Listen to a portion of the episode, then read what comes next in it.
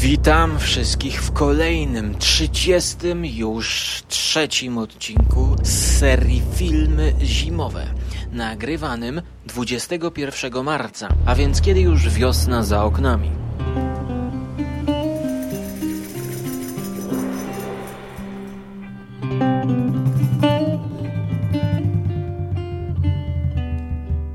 Jako, że prowadzący tę audycję Skóra Wel Żarłok chodził do podstawówki numer 33, dzisiejszy odcinek będzie stał pod znakiem edukacji.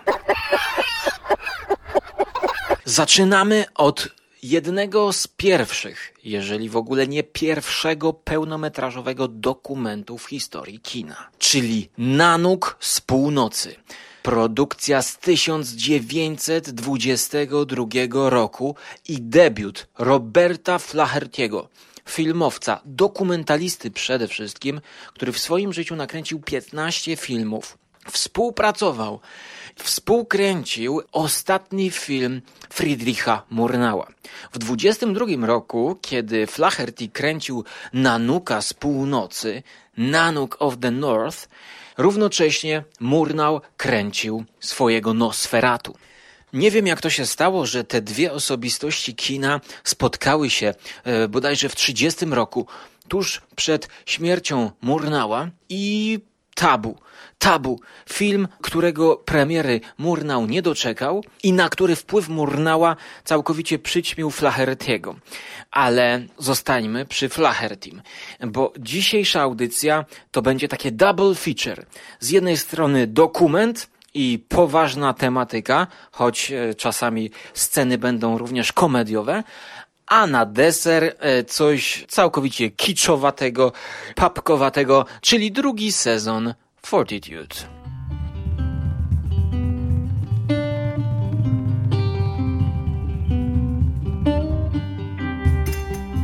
Długo przygotowywałem się do tej projekcji.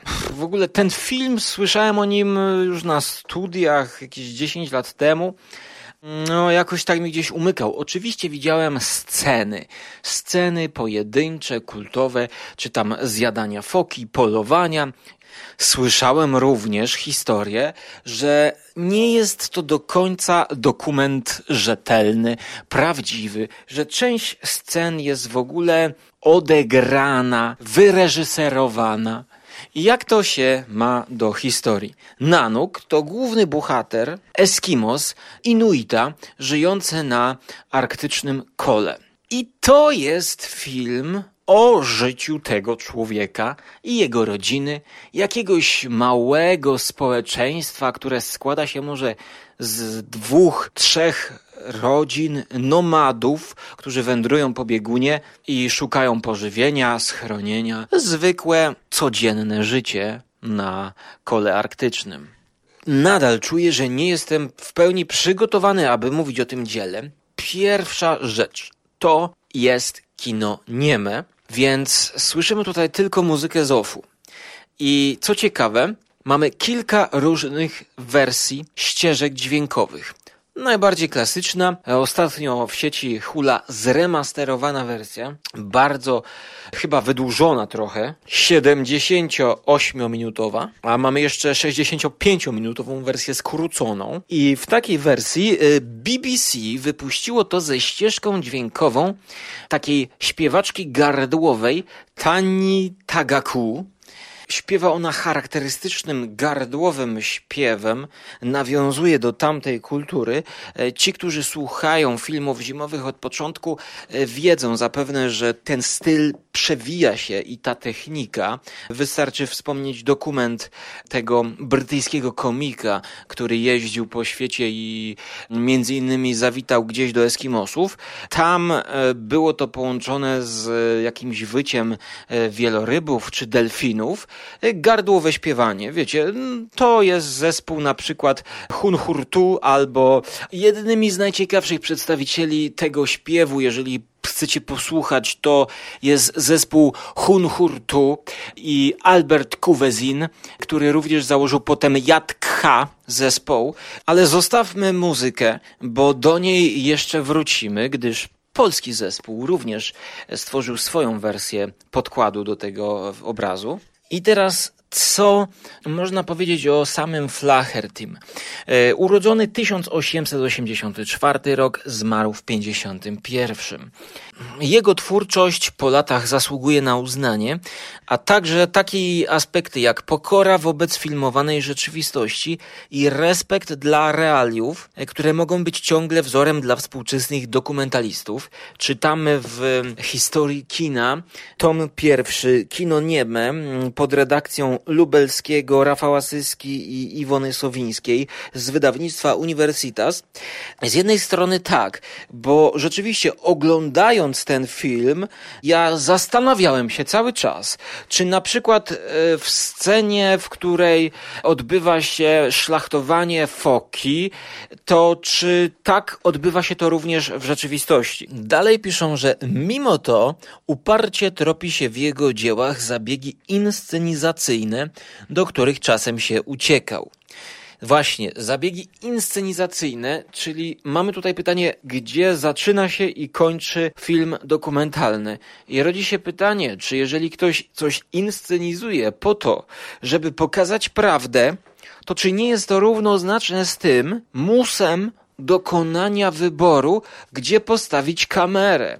Jeżeli e, będziemy mieli okazję kręcić scenę potyczki, dajmy na to dwóch e, drużyn kibiców piłkarskich, to w zależności od tego, gdzie ta kamera zostanie ustawiona, przypuśćmy, że ustawimy kamerę poniżej pasa w drużynie B, to widzowi już będzie się nasuwać, że ona jest słabsza. E, jeżeli ustawimy kamerę ponad ich ramionami, ponad barkami, dodatkowo wprowadzimy energiczny ruch tej kamery, to widzowi będzie się wydawać, że ta drużyna być może była silniejsza. Tutaj historyk Richard Leacock zwraca uwagę na aspekt, że w 1925 roku nikt nigdzie nie realizował filmu, nie interweniując w filmowaną rzeczywistość. Czyli, że wtedy w ogóle rodził się gatunek, jakim jest dokument. No oczywiście, ja uważam, że dokumentem był już pierwszy film braci Lumière, pokazujący i dokumentujący i właściwie bez żadnej też ingerencji wjazd pociągu na stację. Jednak tutaj czytamy, że dopiero w 1926 roku John Grierson, Grierson który w swojej recenzji w lutym 1926 roku po raz pierwszy użył terminu dokumentary, podkreślając wyjątkową poetycką wrażliwość twórcy filmu i jego uwielbienie dla natury. Ale uwaga, to nie odnosiło się do Nanuka, tylko do drugiego filmu Flahertiego, mianowicie Moana, która miała być takim sequelem Nanuka, ale przeniesionym w tereny bardziej przyjazne, dokładnie na wyspy Samoa tej e, słonecznej wyspy, gdzie Flaherty pokazywał połów żółwia, przędzenie włókna, potem tkanie, farbowanie, w końcu przygotowanie uczty i taniec rytualny. Jeszcze skupił się na obyczaju tatuażu to właśnie do tego drugiego filmu zostało po raz pierwszy użyte słowo documentary. Ale znowu, jak ja tu czytam, to ja nie wiem, czy to zachwycił Johna Griersona, który w swojej recenzji z 1926 roku po raz pierwszy użył terminu dokumentary. To czy w ogóle on jako jedyny i pierwszy krytyk użył, czy w swojej recenzji użył on pierwszy raz? No bez sensu. Raczej zakładam, tu jest niejasno napisane, że pierwszy raz w historii kina i krytyki filmowej właściwie użył użył tego sformułowania w stosunku do Moany, a więc filmu późniejszego. I Moana zdecydowanie będzie przeze mnie również obejrzana i zrecenzowana w filmach wakacyjnych, gdyż jest to całkowite przeciwieństwo do Nanuka. Jest to film ta Moana, która ponoć w ogóle nie miała żadnego konfliktu. Producenci na początku specjalnie, żeby zachęcić, nie wiem, że tam coś będzie ciekawego, to ponoć jakieś dziewczyny z gitarą na początku wrzucili, żeby cokolwiek było, na czym można by zawiesić oko, e, według tej encyklopedii, którą tutaj czytamy. Ale mm, no, wróćmy do zimnych, nieprzychylnych nam rejonów.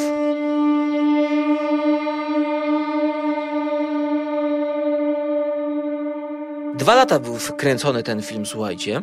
Dwa lata, więc facet no, chyba się przyłożył. 25 rok, nikt nie realizował filmu, nie interweniując w filmowaną rzeczywistość.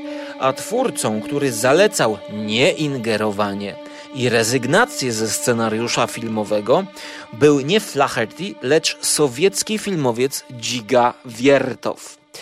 I tutaj właśnie to te słowa pokazują, że ci, którzy postulują obiektywizm, niemożliwość, że nie możemy ingerować, że musimy dać wolność, tak i swobodę, musimy ten, czyli to był Dziga Wiertow, który nakręcił Człowieka z kamerą, notabene też inny dokument bardzo znaczący dla historii kina, to jest to skomentowane, że to właśnie Dziga Wiertow, sekretarz, kancelista w moskiewskim kinokomitecie montował z kronik nadesłanych ze wszystkich frontów sowieckich iloczyn albo wyższą matematykę faktów w imię komunistycznego wyjaśniania zagadek świata.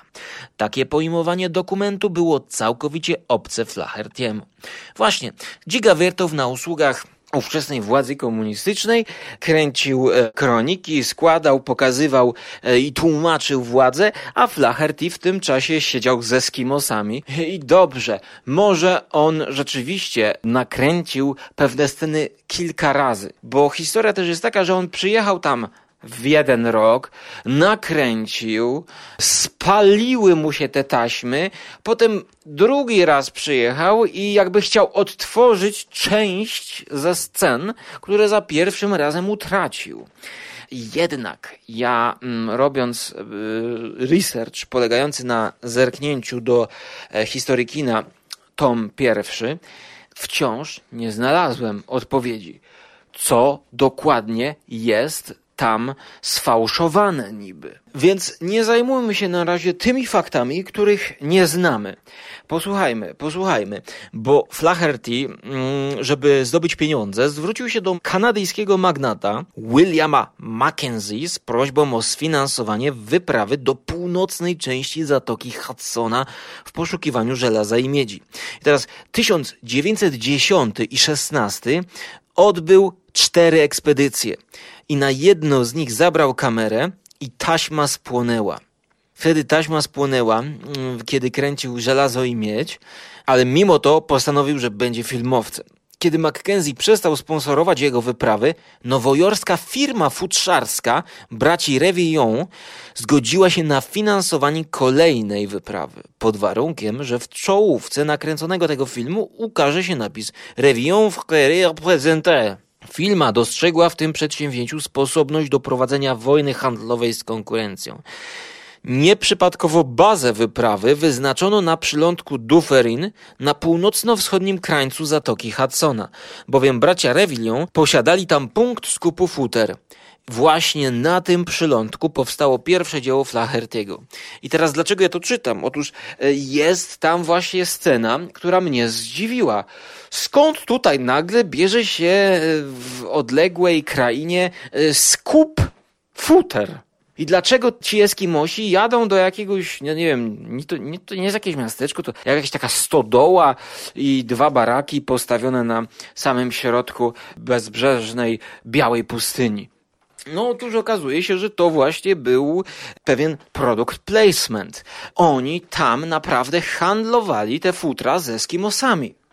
Więc fascynująca sprawa. Możemy to zobaczyć, jak to wygląda. Możemy zobaczyć, jak oni zdobywają e, i polują, żeby zdobyć te futra. No a dlaczego? No, zaczyna się handel i widzimy, że tak powiem, takie początki, znaczy początki to już były wcześniej, ale widzimy taki wolny rynek na małą skalę. Scena, w której tytułowy bohater przybywa do kantoru kupca, by sprzedać zdobyte skóry, zawiera istotne walory poznawcze. Obraz uzupełniają napisy. Przez rok oprócz lisów, fok i morsów Nanuk upolował siedem wielkich niedźwiedzi polarnych zabitych harpunem.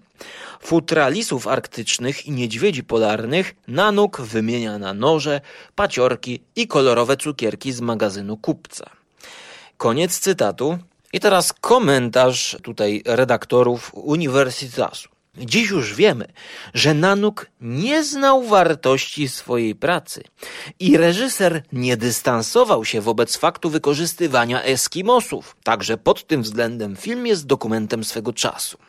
No ja tutaj się kardynalnie nie zgadzam. O, owszem, dzisiaj to oni piszą z perspektywy, zapewne wymagaliby znaczka e, fair trade. Tylko zastanówmy się, co na tamte czasy e, było fair trade'em. Zastanówmy się e, może, jak działa wymiana na wolnym rynku.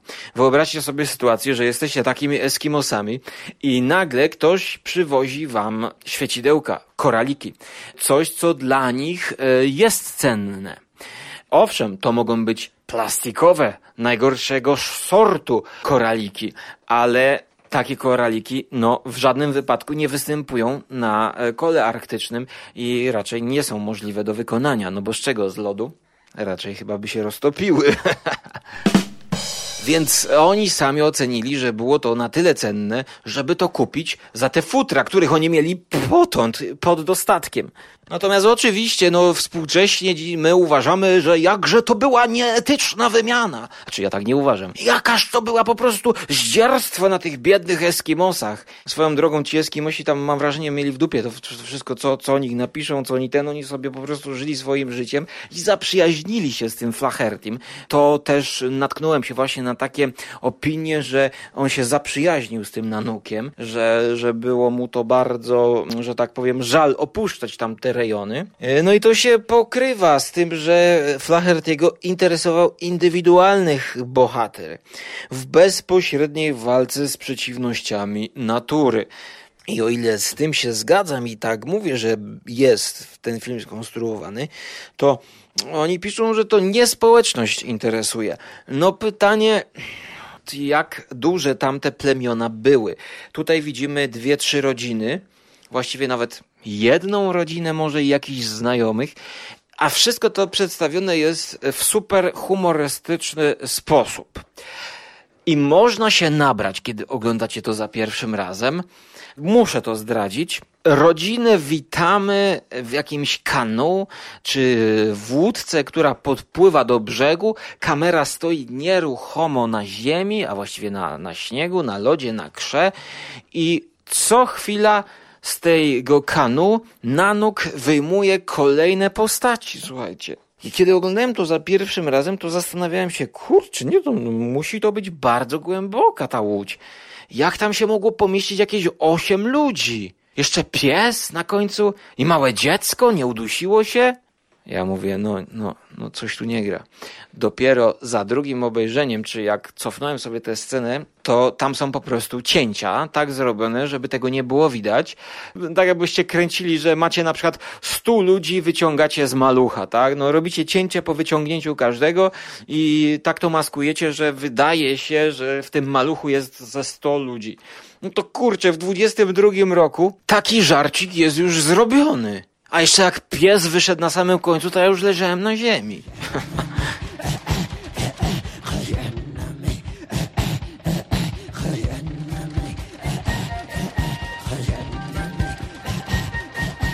Autor podkreśla bohaterstwo jednostki, wskazuje na jej osamotnienie. To Nanuk, wielki myśliwy, ratuje sytuację. No więc znowu się nie zgadzam, czy na osamotnienie, bo jednak oni są cały czas w grupie. Tutaj nie ma nic o samotności głównego bohatera. W ogóle żadna metafizyka nawet nie wchodzi. O, tym bardziej, że oni się cały czas uśmiechają, są weseli, radują się. Nawet jak jest napięcie podczas walki z bestią, to potem jej koniec jest jest pozytywnie zakończony ucztą zimnego, surowego, znaczy właściwie to chyba gorącego, ale surowego jedzenia. Takie można by powiedzieć nie surimi, tylko e, no sushi. Tak jest taka wersja sushi, że dostajesz samą rybę i moczysz sobie to w sosie sojowym. No to coś takiego. I teraz tutaj w moim detektywistycznej audycji coś możemy natknąć się na te podciągnięcia względem prawdy. Aby podkreślić heroizm walki o przetrwanie, Wśród wędrujących pól lodowych i nieprzewidywalnych warunkach Flaherty udramatyzował warunki życia bohatera, cofając się co najmniej o jedną generację. Ukażał narzędzia, stroje, jakie już nie były w użyciu. Inscenizował sceny polowań, dostarczył na plan martwe zwierzęta, nakłaniał tubylców do wykonania czynności, których nigdy przedtem nie wykonywali. Cytat 15. Mirosław Przylipiak. Poetyka kina dokumentalnego.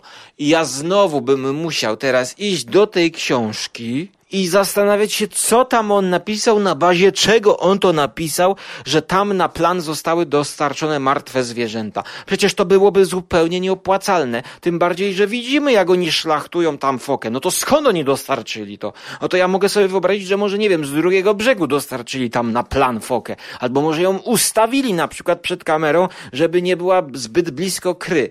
Więc to jest wszystko wciąż niejasne. I te zarzuty ja chciałbym wiedzieć, podać mi konkretne źródła historyczne, a nie, że ja czytam w kolejnej encyklopedii, że tam były zarzuty. Były zarzuty albo, że no to jest jeden zarzut rzeczywiście, że w okresie, w którym uchodzi, że on to kręcił, to nie używali takich narzędzi. No dobrze, ale to pytanie, czy jeszcze nie używali, czy już nie używali. Bo jeżeli już nie używali, bo na przykład nóż albo harpun został zastąpiony przez karabinek Uzi 338 cali, to oznacza, że mm, to jest prawdziwe, bo wcześniej, rok wcześniej, czy tam dwa lata wcześniej używali tego. Natomiast jeżeli on by im dał ten nóż, no to rzeczywiście mógł pokazać scenę, w której on wręcza im ten nóż, tak?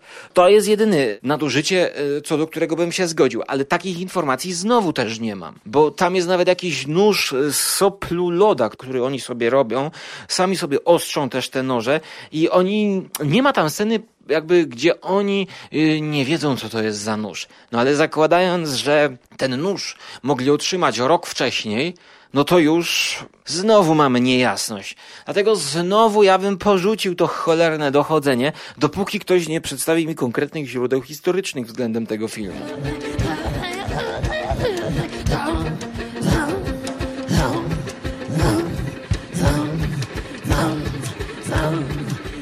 Więc jeżeli on ich nakłaniał do tych czynności, których oni nigdy przedtem nie wykonywali, i teraz nazywa się to podobno etnografią ocalającą, czyli takie cofnięcie w czasie, salvage ethnography. Miało to służyć unaocznieniu najważniejszego konfliktu, walki o egzystencję na dalekiej północy. Nanuk gra samego siebie, ale jego przypadki symbolizują los wszystkich Eskimosów, którzy całe życie walczą z surową przyrodą. Ukazane sytuacje są prawdziwe. Siegfried Krakauer w odniesieniu do metody reżysera mówił o tak zwanym wątku znalezionym w istniejącej rzeczywistości. Samo pojęcie wyprowadził od stwierdzenia Epsteina, że nie ma i nigdy nie było anegdot, są tylko sytuacje bez początku, środka i końca. Krakauer miał na myśli fabułę otwartą, istniejącą potencjalnie w rzeczywistości i odnalezioną w niej przez kamerę. Cytat. Gdy dość długo patrzy się na powierzchnię jeziora lub rzeki, można odkryć na wodzie wzory i kręgi tworzące się wskutek wiatru. Wątki znalezione są podobne do tych wzorów, odkryte raczej niż wymyślone. Są nierozłączne z filmami wyrażającymi intencje dokumentalne. I tutaj ja znowu nie mogę się zgodzić bo to, co robi Krakauer, jego książka notabene jest w Polsce fajnie wydana. No tutaj jest jakieś takie podciąganie rzeczywistości, a właściwie zmyślonej rzeczywistości, zmierzającej w stronę intencji filmu dokumentalnego. To kojarzy mi się już, że można by pod to podciągnąć wszystkie te pamiętniki z wakacji. One w sumie też wyrażają jakąś intencję filmu dokumentalnego. Dlatego definicja Krakauera dla mnie jest um, na tyle wodnista, że nieprecyzyjna e, i można pod nią podciągnąć wszystko. Tutaj kojarzy mi się, że może nie były takie e, te przewodniki z wakacji wyabstrahowane. To przykład mm, Kapuścińskiemu, któremu zarzucono, właściwie odkryto i ujawniono, że na przykład e, w tym Szachin Szachu on w ogóle wymyślił tego pieska sikającego, że tam nie było takiego pieska. No więc jeżeli ktoś już zmyśla całkowicie, nawet z intencją wyrażenia, nawet wyrażenia wyrażając intencję dokumentalną, to mnie się to już mniej podoba, bo ja chciałbym wiedzieć, gdzie ta, ta intencja była, a gdzie było to zmyślenie i ta kreacja. E, natomiast z tego, co tutaj czytamy, to to nie była kreacja, tylko to było odtwarzanie, czyli właśnie taka etnografia ocalająca. On wiedział, że tak było i jakich aktorów Flaherty mógł wynająć, żeby to pokazać wszystko? No oczywiście tamtych ludzi. Oni nie musieli grać. Oni tylko musieli grać pod tym kątem, że powiedział im, no dobra, no to weźcie te noże i teraz oskalpujcie to tak, jak robiliście na przykład 10 lat temu. No dobra, możemy to dla ciebie zrobić, no. Flaherty ukazywał tylko realne postaci, żyjące w miejscu, w którym film powstał. Według niego byli to najlepsi aktorzy. Uważał, że ludzie ci nie maskują swych przeżyć, a ich spontaniczność jest wręcz warunkiem przyjętej metody. Charakterystyczne, że reżyser nie pokazał żadnych negatywnych uczuć złości, strachu, rezygnacji. Uważał, że ziarno wielkości istnieje we wszystkich ludach, a autor filmu musi je tylko znaleźć. No i rzeczywiście tutaj jest, mimo wszystkich e, niepewności, przeciwności losu, ta rodzina wędruje, znajduje pożywienie, jest w stanie wyżywić dzieci, złowić lisa. Swoją drogą świetna, zaskakująca scena wyciągania lisa spod z piachu, spod śniegu, choć to czasami wygląda jak piach, bo film jest czarno-biały. E, tak wspaniała scena, e, komiczna trochę wręcz, a zarazem no groźna, bo to, to, to prawda, polowanie w końcu było. Żal tego nie obejrzeć. To oglądamy naprawdę jak dokument swojej epoki. Unikatowy zupełnie. Już nikt czegoś takiego nie nakręci. Nawet jeżeli dzisiaj chcieliby to odtwarzać, to to byłoby odtworzenie już po prawie 100 latach. Więc to jest unikat, który musicie obejrzeć.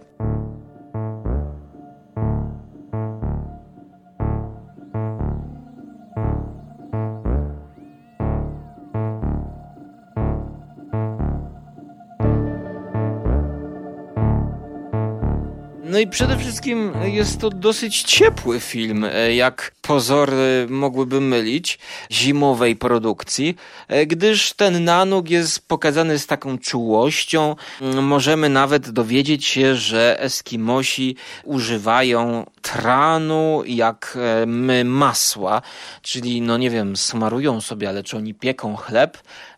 Raczej jest pokazane właśnie, że jedzą samo mięso, palą tłuszczem, łojem, smalcem właściwie foczym, tranu używają jako masła. Mm, do czego? To już nie jest dopowiedziane, więc oczywiście wiele wątków tutaj jest nierozwiniętych, no ale trzeba to chyba złożyć na karp ówczesnej poetyki filmowej. Tutaj scena budowania iglo trwa jakieś może 2-3 do 5 minut i widzimy rzeczywiście krok po kroczku jak to iglo powstaje, choć jest tam powiedziane, że to kilka godzin trwa, ale oni musieli to na ówczesne czasy tempa narracji pokazać dosyć wolno. No, współczesny widz to może, że tak powiem, usnąć na tej scenie budowania igla, choć dla mnie było to fascynujące, z jaką sprawnością oni to robią i jak w takich warunkach może powstać mieszkalny, całkowicie wystarczalny dom, nawet z przeszkloną szybą, gdzie lód zastępuje szkło. No, nie niesamowite.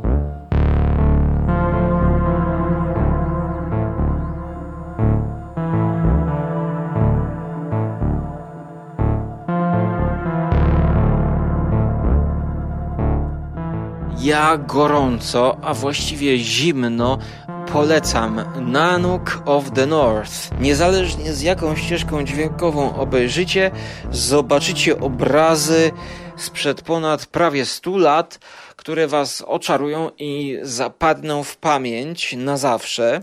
Nawet scena szlachtowania foki i oskubywania jej, obrabiania, zapomniałem jak to się nazywa ten proces, jest to na oddaleniu, nie widzimy szczegółów, ogląda się to jako dokument, a nie żaden gore, jak w, chociażby w scenie Cannibal Holocaust, gdzie musieli zabić prawdziwego żółwia i, i to rzeczywiście było pokazane w sposób taki w ogóle no, urągający powagi chwili, tak, no bo jeżeli już się zabija to zwierzę, no to po to, żeby przeżyć, tak? Oni tam tego żółwia w ogóle chyba nawet nie zjedli do końca. To było po prostu czyste efekciarstwo. Natomiast tutaj ci ludzie wykorzystują tamto zwierzę, zarówno skórę, tłuszcz, no wszystko, prawda? Jedzą to na żywo. Widoki są niezapomniane. Moja ocena to jest, no wiadomo, no to jest, to jest arcydzieło w jakimś sensie więc 9 na 10. Czy jest to mój ulubiony film? No nie wiem, nie wiem, nie wiem, czy będę do niego wracał. Mam wrażenie, że znam go już na pamięć. Gdyż podchodziłem do niego raz, oglądałem 15 minut, zostawiałem. Na różnych zajęciach, fragmenty ciągle oglądałem, więc ja dobrze znam te wszystkie sceny. Chyba, że kiedyś zdarzyłoby się projekcja tego filmu z muzyką na żywo, jakiegoś ciekawego zespołu. Wtedy bym jeszcze raz do tego podszedł. A tak, wystawiam ocenę 8 na 10, czyli bardzo interesująca produkcja, wartościowa dla każdego. Niezależnie od tego, czy się interesujesz historią kina, czy nie, to jest coś wartościowego dla ciebie. Będziesz się męczył, owszem, no bo to jest czarno-biały, niemy film, ale zobaczysz coś, czego nigdzie indziej nie zobaczysz. Swoją drogą dziwię się, a może po prostu to wynik mojej niewiedzy, że nie ma filmu pokazującego, jak kręcili tamten film. No przecież już tyle było filmów o wyprawie Shackletona, o kręceniu sławnych filmów, a właśnie ten film domagałby się takiej fabuły, trochę takiej tropiącej i pokazującej, jak było naprawdę, co zostało sfingowane może. E, no można sobie wyobrazić świetne sceny, wiecie, jak reżyser tam za kamery coś mówi i mówi, ej, dobra, weź, weź go tam mocniej, potnij, wbij mu nóż do brzucha, a potem wychodzi jakby to było coś zupełnie innego. Tak więc są możliwości i patrząc za okno i widząc jeszcze resztki śniegu, Dzisiaj patrzyłem na soszów.pl, wyciąg jeździ, narciarze mogą tam spokojnie zawitać. Kiedy wy tego słuchacie, nie wiem, ale wiem, że ja już nie będę oglądał drugiego sezonu Fortitude. Więcej, Nevermore, koniec. Kończę po trzecim odcinku.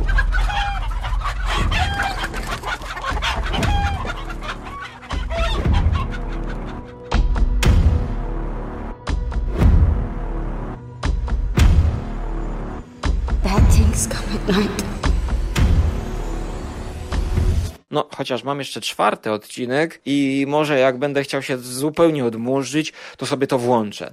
Gdyż y, drugi sezon tego serialu, który dzieje się w całkowitej scenerii zimnej, to są jacyś tak, słuchajcie, naukowcy, pierwszy sezon dla krótkiego przypomnienia odkryli na jakiejś antarktycznej stacji, że coś tam dzieje się, cholera wie co. Oni nawet do dzisiaj tego nie wiedzą, co ich zaatakowało i przez cały pierwszy sezon tropili. I ja myślałem, że my się już dowiedzieliśmy, co to było.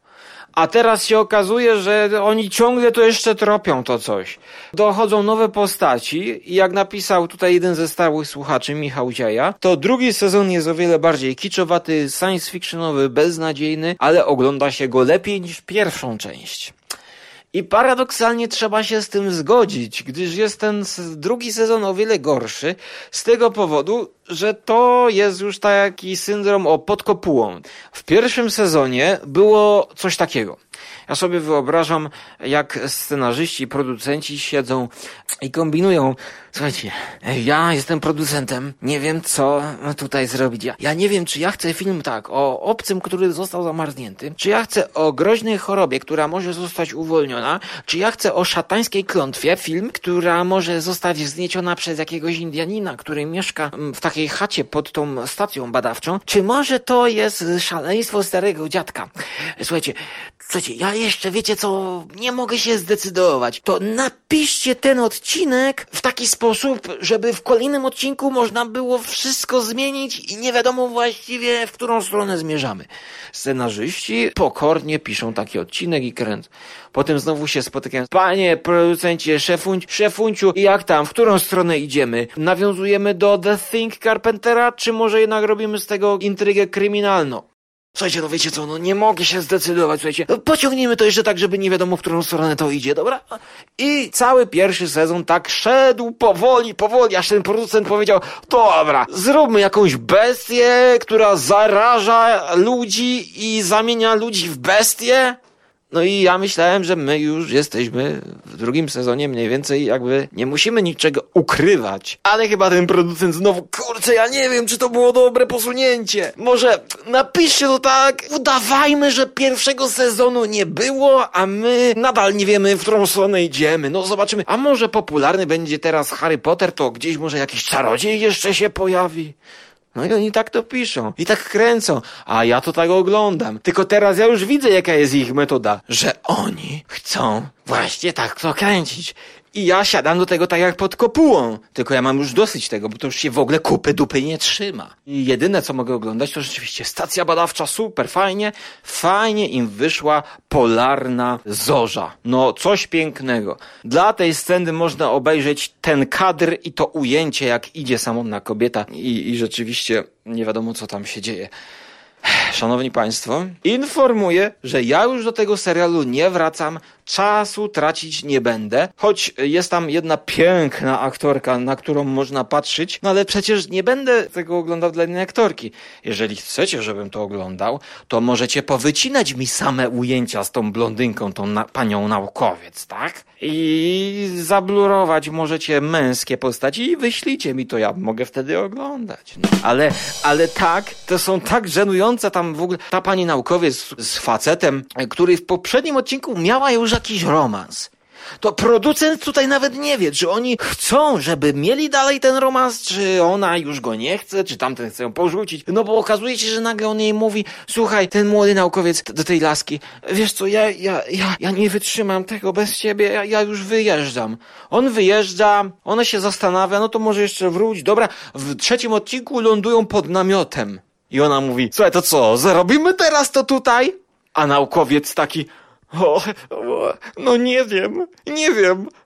Przecież jest minus 300 stopni Celsjusza. To jest niemożliwe. A ta piękna pani naukowiec mówi, no coś ty, przecież jesteśmy naukowcami. Musimy przekraczać bariery. I zaczyna się rozbierać. Ja nie bije się teraz po czole. Nie, no poziom, poziom tego sezonu jest po prostu, no, przechodzi moje najśmielsze, że tak powiem, oczekiwania, jakie miałem już na początku Fortitude sezonu pierwszego, bo byłem otwarty. Jeżeli jesteście otwarty na takie kiczowate po prostu bebo rozbryzgane, to można to oglądać. No ja to, to nawet nie ma wielkiego bólu, jak się nastawi na taką, taką mieszankę. No, dla kogoś, kto chce popatrzeć na śnieg, no ale już wystarczy tego, tak? lepiej się to ogląda niż slasher drugi sezon, to na pewno. I muzyka, i zdjęcia, i gra aktorska jest lepsza. Dennis Quaid w końcu się pojawił. On gra takiego starego wilka morskiego, słuchajcie. Ja tutaj będę jeździł w pole, w morze i przywiozę tony krabów. Nie, strasznie przeszarżowana rola tego Denisa Quaida. Jak on tutaj nie pasuje. W pierwszym sezonie znakomity Joe Tashi, czy Tas, Steve Task, Tushi. Świetnie, minimalistycznie kontrastował jako przybysz z zewnątrz do tych mieszkańców. A tutaj rola tego Denisa Quaida, no jest taką emanacją no, wszystkiego tego, co dzieje się w tym serialu. Producent mówi, a dobra, dowalcie jeszcze niedźwiedzia. A dobra. Słuchajcie, tylko wiecie co? Ten niedźwiedź, żeby nie wiadomo, czy on jest zatruty, czy on zarażony jest, czy jest to niedźwiedź z obcej planety. Wiecie, w trzecim sezonie dopuszczam, że zmieniamy to w ogóle na pornola. No, okej. Okay. Mnie już wtedy nie będzie. Chyba, że rzeczywiście zamienicie to na pornola. Tyle na dzisiaj ode mnie, słuchajcie. Pozdrawiam Was zimno. Czy usłyszymy się w tym roku? Mogę Wam zdradzić, że będzie jeszcze kolejny odcinek, 34, gdzie powiemy co nieco o filmach przejściowych, czyli takich, gdzie troszkę lata, troszkę zimy, troszkę wiosny albo i jesieni. A na koniec wróćmy do tej polskiej muzyki, o której mówiłem, bo to, co słyszeliście e, gdzie nie gdzie jako podkład, kiedy kobieta e, skandowała wow, wow, wow, wow, to była właśnie ta Tania, wspomniana na początku, ale ta elektronika, która być może niektórym wydawała się zbyt groźna i mroczna jak na taki dokument, to była elektroniczna muzyka polskiego zespołu, a właściwie duetu dwóch muzyków. Piotra Kalińskiego, znanego pod pseudonimem Hatti Watti i Stefana Wesołkowskiego, którzy y, mieli sposobność y, grania pod ten film i założyli zespół pod tytułem Nanook of the North i ich pierwsza płyta nosi właśnie ten sam tytuł. Czy jest to muzyka, która pochodzi w jakiś sposób z tej ścieżki dźwiękowej? Czy jest to muzyka inspirowana? Tego jeszcze nie wiem, bo na tyle wsłuchałem się w to dzieło, że wciągnęło mnie właśnie podczas zimowych podróży, spacerów pasowuje się ta muzyka idealnie, a biorąc pod uwagę, że cały album trwa 45 minut, to nie ma szans, żeby to puścić pod film jeden do jednego i żeby to nam stworzyło ilustrację. Wydaje mi się, że to w jakiś sposób można odbierać jako Film, który zainspirował muzyków do nagrania czegoś takiego. Dla mnie skojarzenia z muzyką Johna Carpentera z lat 80., z, ze ścieżką dźwiękową z The Thing znajdujemy tutaj gdzie niegdzie i polecam go szczególnie jednemu ze słuchaczów, który tutaj prowadzi stronę Stacja na Islandii, zajmujący się muzyką właśnie z Islandii i sztuką z Islandii, gdyż dwóch naszych Polaków wyjechało wyjechało do Islandii, żeby nagrać tam tę płytę. E, wytwórnia Denowali wydała właśnie ten album. Ja muszę się przyznać, że wcześniej nie znałem zarówno Wesołowskiego, jak i Kalińskiego, choć muzyka Wesołowskiego nie wygląda na zbyt pogodną, to sięgnę po jego solowy album Stefana Wesołowskiego Right of the End z 2017 roku, który został okrzyknięty przez serwis nowamuzyka.pl jako no, jedna z najlepszych płyt polskich. E, też będzie to chyba muzyka zimna, niepokojąca. I teraz zapraszam Was na jeden utwór w całości od początku. Słuchajcie, z płyty Nanook of the North. Polecam serdecznie. Tyle na dziś ode mnie. Zapraszam na Żarłok TV. Do zobaczenia bądź usłyszenia w przyszłości. Cześć!